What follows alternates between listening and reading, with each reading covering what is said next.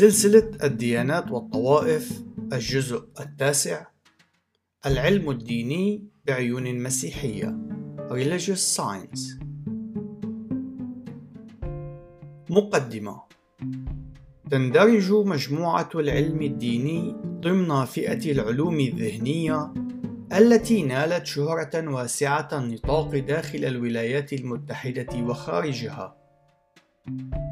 إن المحور الرئيسي الذي تدور في فلكه علوم الذهن بشكل عام هو الشفاء ونجد أن حركة العلم الديني إلى جانب كل من العلوم الإلهية والعلم المسيحي يقومون بتقديم نهج مختلف بشكل كلي عن النهج المسيحي التقليدي.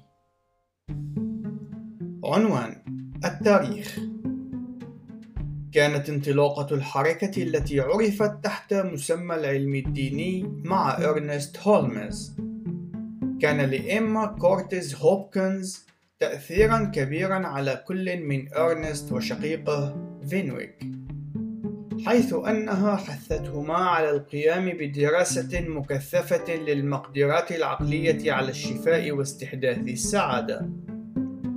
قام الأخوان هولميز في العام 1917 بتأسيس المعهد الميتافيزيقي في لوس أنجلوس حيث ابتدأ بإصدار مجلة دورية حملت اسم Uplift أي النهضة.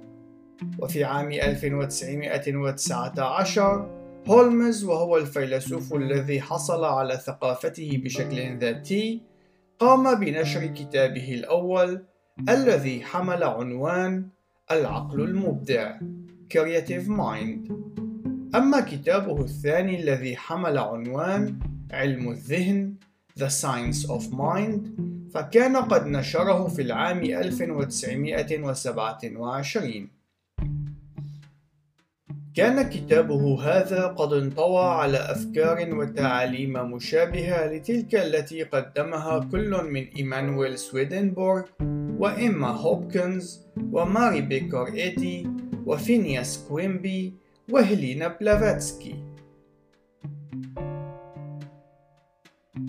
إرنست هولمز هو مؤسس حركة العلم الديني التي تتكون من مجموعتين رئيسيتين وهما الكنيسة المتحدة للعلم الديني ومجموعة العلوم الدينية المتحدة. قام بتأليف كتاب علوم الذهن في العام 1927 حيث يتم استخدام هذا المؤلف في الكثير من مجموعات العلوم الذهنية وكذلك من قبل معلمي العصر الجديد. إما كورتيز هوبكنز هي واحدة من تلميذات ماري بيكر إيدي ومعلمة من معلمات حركة العلم الإلهي وكانت قد أنشأت مدرسة للميتافيزيقيا في شيكاغو إيمانويل سويدنبورغ عالم لاهوت لامع ادعى أنه قد تلقى رؤيا للمسيح في أبريل من عام 1744 بحسب سويدنبورغ فإن المسيح قد خلصه من الذنب الذي كان قد شعر به نتيجة لإنجازاته الفكرية. في العام التالي تخلى عن اهتماماته العلمية وركز اهتمامه على علم اللاهوت بشكل كامل. كان هو المسؤول عن إنشاء كنيسة أورشليم الجديدة والتي أصبحت من أبرز مراكز الدعوة للفكر السويدنبورغي. لم يكن سويدنبورغ قد أسس بشكل شخصي أي كنيسة أو حركة دينية إلا أن أتباعه هم من فعلوا ذلك. كانت كتاباته اللاهوتية الضخمة عبارة عن مجموعة من الرؤى والأفكار التي ادعى أنه قد تلقاها من خلال التواصل مع العالم الروحي. ماري بيكر إيدي هي مؤسسة العلم المسيحي Christian Science سيتم تقديم دراسة خاصة بهذه المجموعة لاحقاً. فينياس باركوس كوينبي يعرف بأنه المعلم الروحي لعلوم الذهن ومؤسس حركة الفكر الجديد. كان المصدر الرئيسي الذي استقت منه ماري بيكر إيدي أفكارها. السيدة هيلين بيتروفنا بلافاتسكي كانت شريكا مؤسسا للثيوصوفية وعرفت سابقا باسم هيلين هان. في العام 1927 قام هولمز بتأسيس معهد العلم الديني في لوس أنجلوس حيث قام الطلاب بدراسة المبادئ التي قام الشقيقان بتعليمها وتقديمها في كتبهما ومحاضراتهما المختلفة. وقد أسس خريجو هذا المعهد كنائسهم المختلفة. في العام 1949 تم تأسيس الرابطة الدولية لكنائس العلوم الدينية. خلال الخمسينيات من القرن الماضي انتقلت الحركة بشكل متسارع لتقوم بتشكيل هيكل تنظيمي وطني وهو الأمر الذي تمت مقابلته بمعارضة من أولئك الأشخاص الذين كانوا يفضلون الهيكل اللامركزي الذي كان قد ميز المنظمة منذ تأسيسها. قامت تسعة عشر كنيسة برفض الدستور الجديد في حين تحركت 46 كنيسة نحو تبني الهيكلية الجديدة. ابتداء من تلك النقطة تم تشكيل فرعين رئيسيين أو كنيستين منبثقتين من حركة العلم الديني الأصلية، بالإضافة إلى عدد من الهيئات المستقلة. تحمل المجموعة الأكبر اسم الكنيسة المتحدة للعلم الديني The United Church of Religious Science في حين أن المجموعة الأصغر تحمل اسم العلوم الدينية الدولية Religious Science International تتشابه المذاهب والتعاليم بين هاتين المجموعتين وذلك على الرغم من أن المجموعة الأخيرة لا تمتلك هيئة مركزية ناظمة. عنوان المنظمة تحافظ الهيئات المستقلة على معرفة بعضها ببعض وذلك على الرغم من وجود بعض الاختلافات الحادة في النظام السياسي لكل منها. أما في الكنيسة المتحدة للعلم الديني فإنه يوجد مؤتمرات دورية تعقد كل سنتين ويتم انتقاء مجلس أمناء من الأعضاء وبدوره يقوم مجلس الأمناء هذا باختيار رئيس تستمر ولايته لمدة سنتين. يقوم المجلس الوطني المنتخب بالإشراف على التعليم وإدارة كلية إرنست هولمز وكذلك خدمة الصلاة التي تتضمن خطا ساخنا يعمل على مدار الساعة للصلاة والإرشاد. بالإضافة إلى ما سبق يقوم المجلس بالإشراف على المنشورات المختلفة التي يتم إصدارها. عنوان التعاليم إن التعليم الأساسي الذي تتبعه مجموعات العلم الديني هو الفلسفة الوحدوية أو الأحادية أي مونيزم. إن الله هو الذات غير الشخصية التي تصبح شخصية من خلال البشرية حيث تتماثل عقول الأفراد مع الأنهار التي تنبع من مصدر أساسي واحد أي الله. الوحدوية أو الأحادية مونيزم هي فلسفة هندوسية تقول بأن كل شيء في الكون هو امتداد لواقع واحد، وجميع الاختلافات والتمايز الموجود ليس إلا وهما يمكن أن يتم جمعه أو امتصاصه في مصدر واحد لكل ما هو موجود.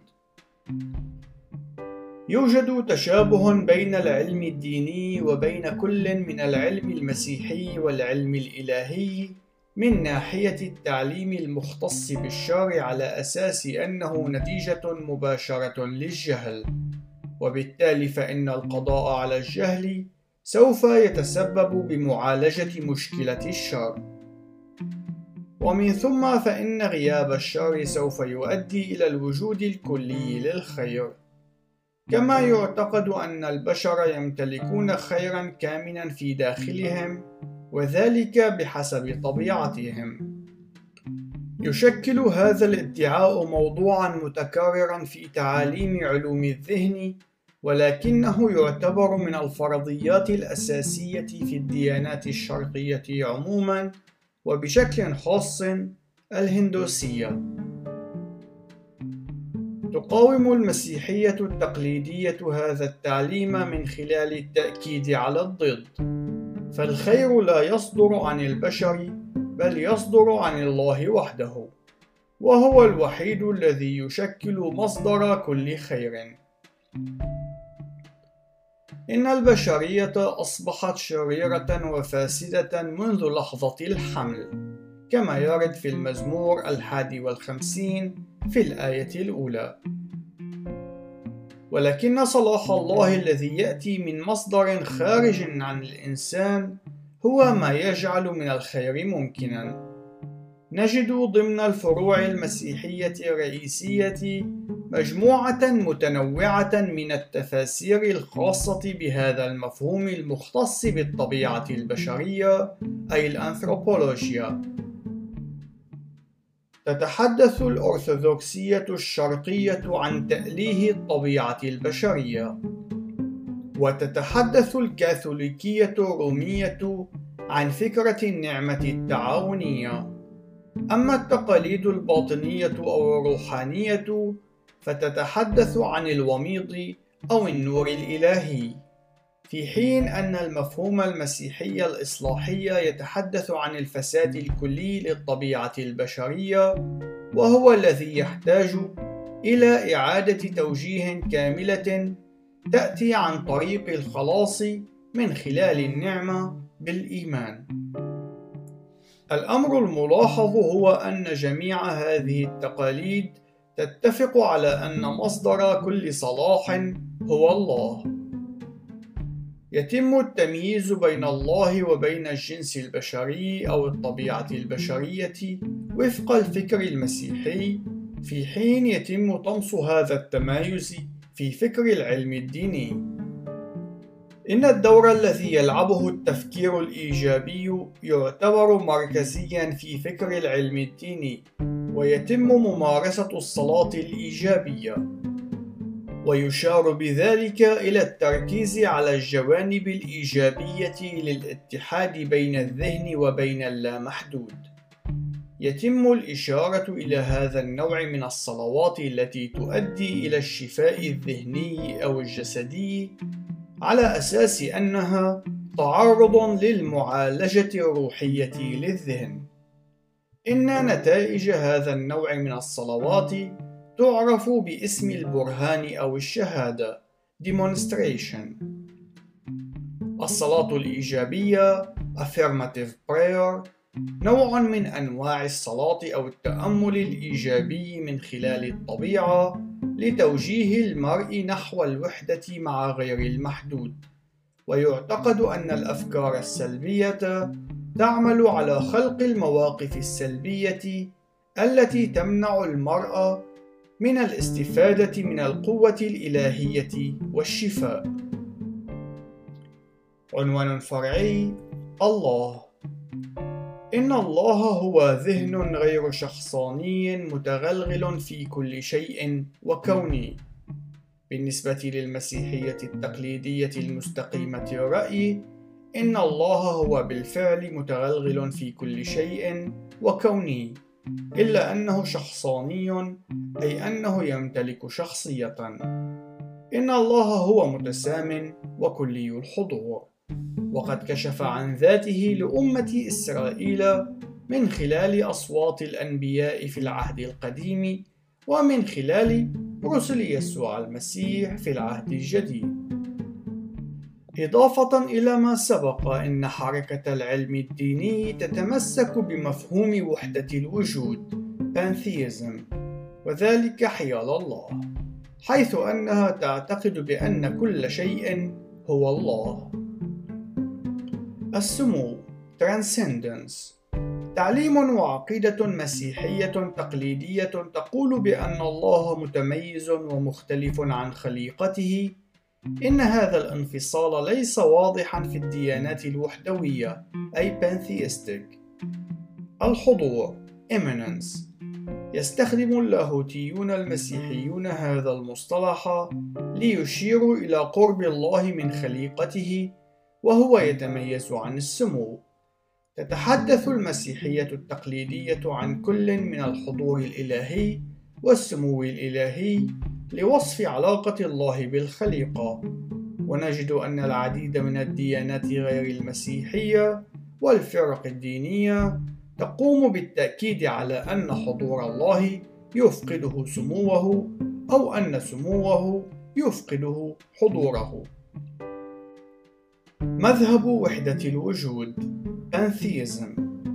أصل هذه التسمية مشتق من الكلمتين اليونانيتين pan أي كل وثيوس أي الله.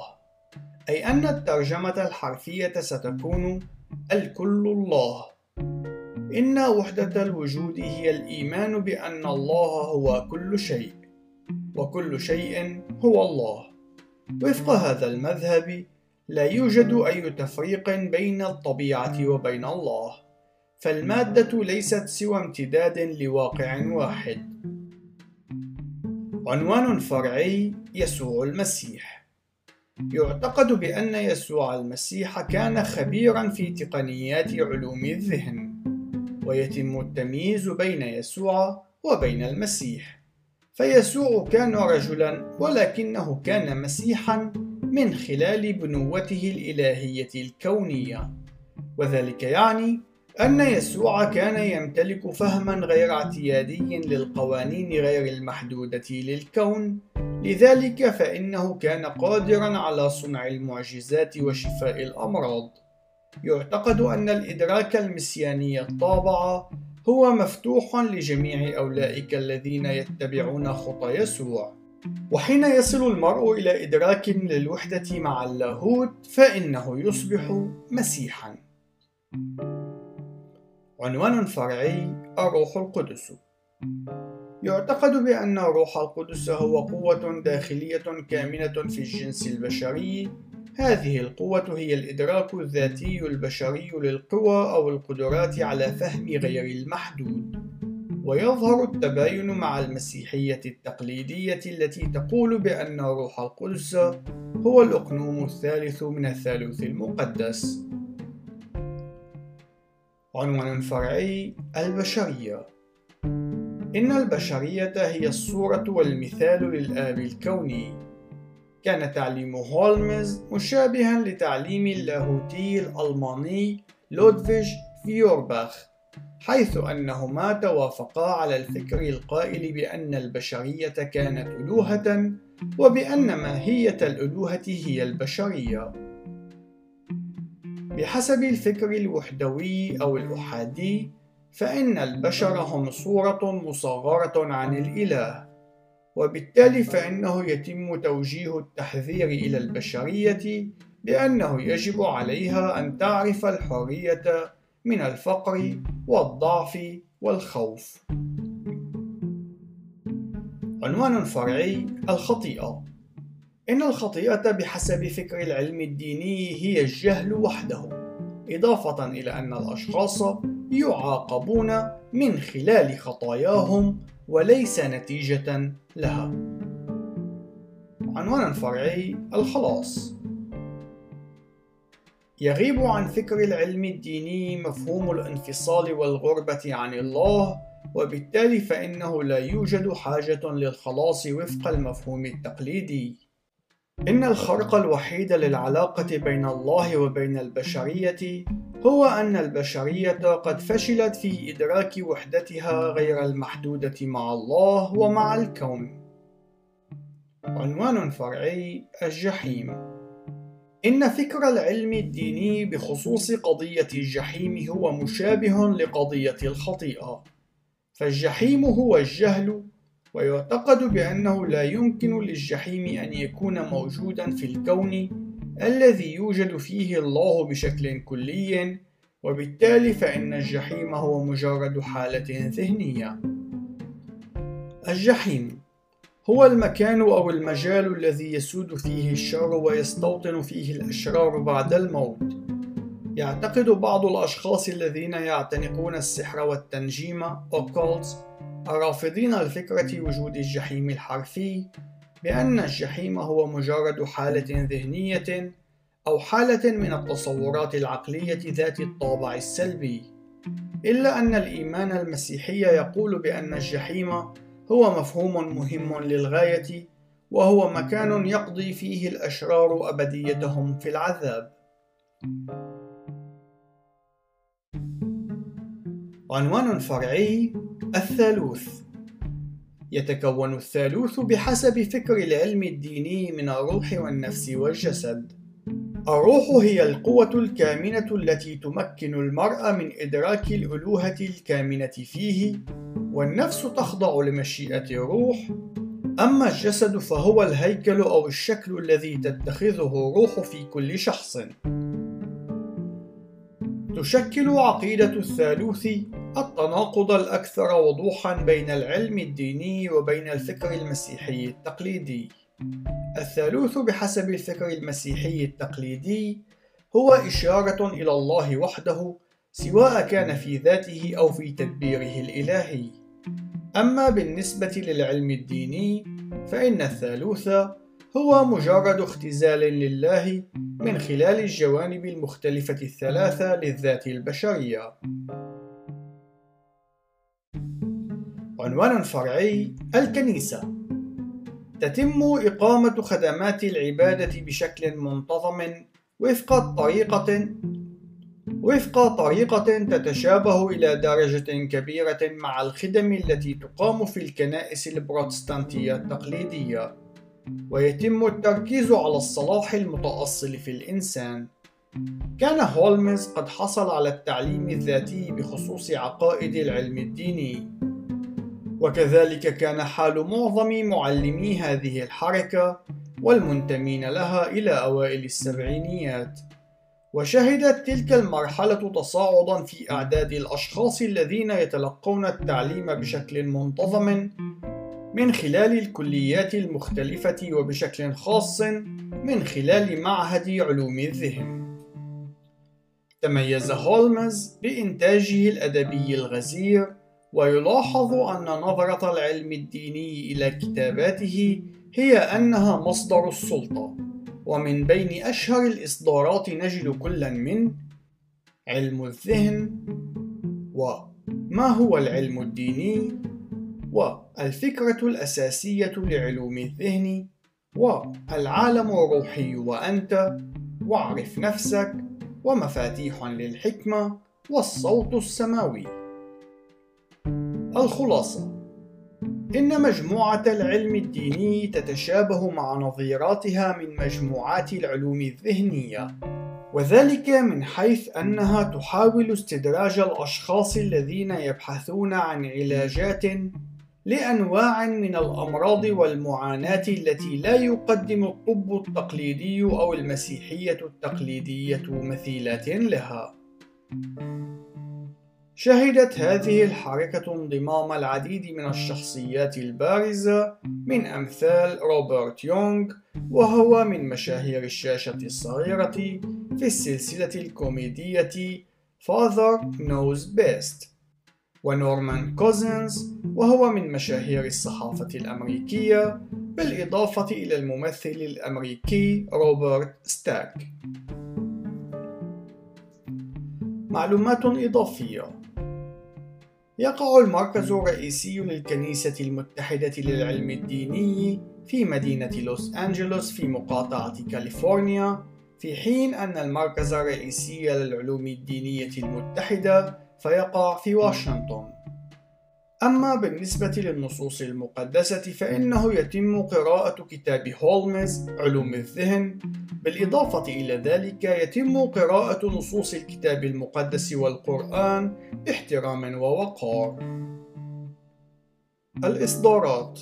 تقوم الكنيسة المتحدة للعلم الديني بإصدار المجلة الدورية علوم الذهن Science of Mind. وتقوم مجموعة العلوم الدينية العالمية بإصدار مجلة الفكر الخلاق Creative Thought Magazine. الأعضاء. يبلغ عدد أعضاء الكنيسة المتحدة للعلوم الدينية نحو أربعين ألف عضو حول العالم حيث يتواجد 160 كنيسة و106 مجموعات دراسية. النهاية. إلى اللقاء في الجزء القادم ولنعطي المجد لله دائما.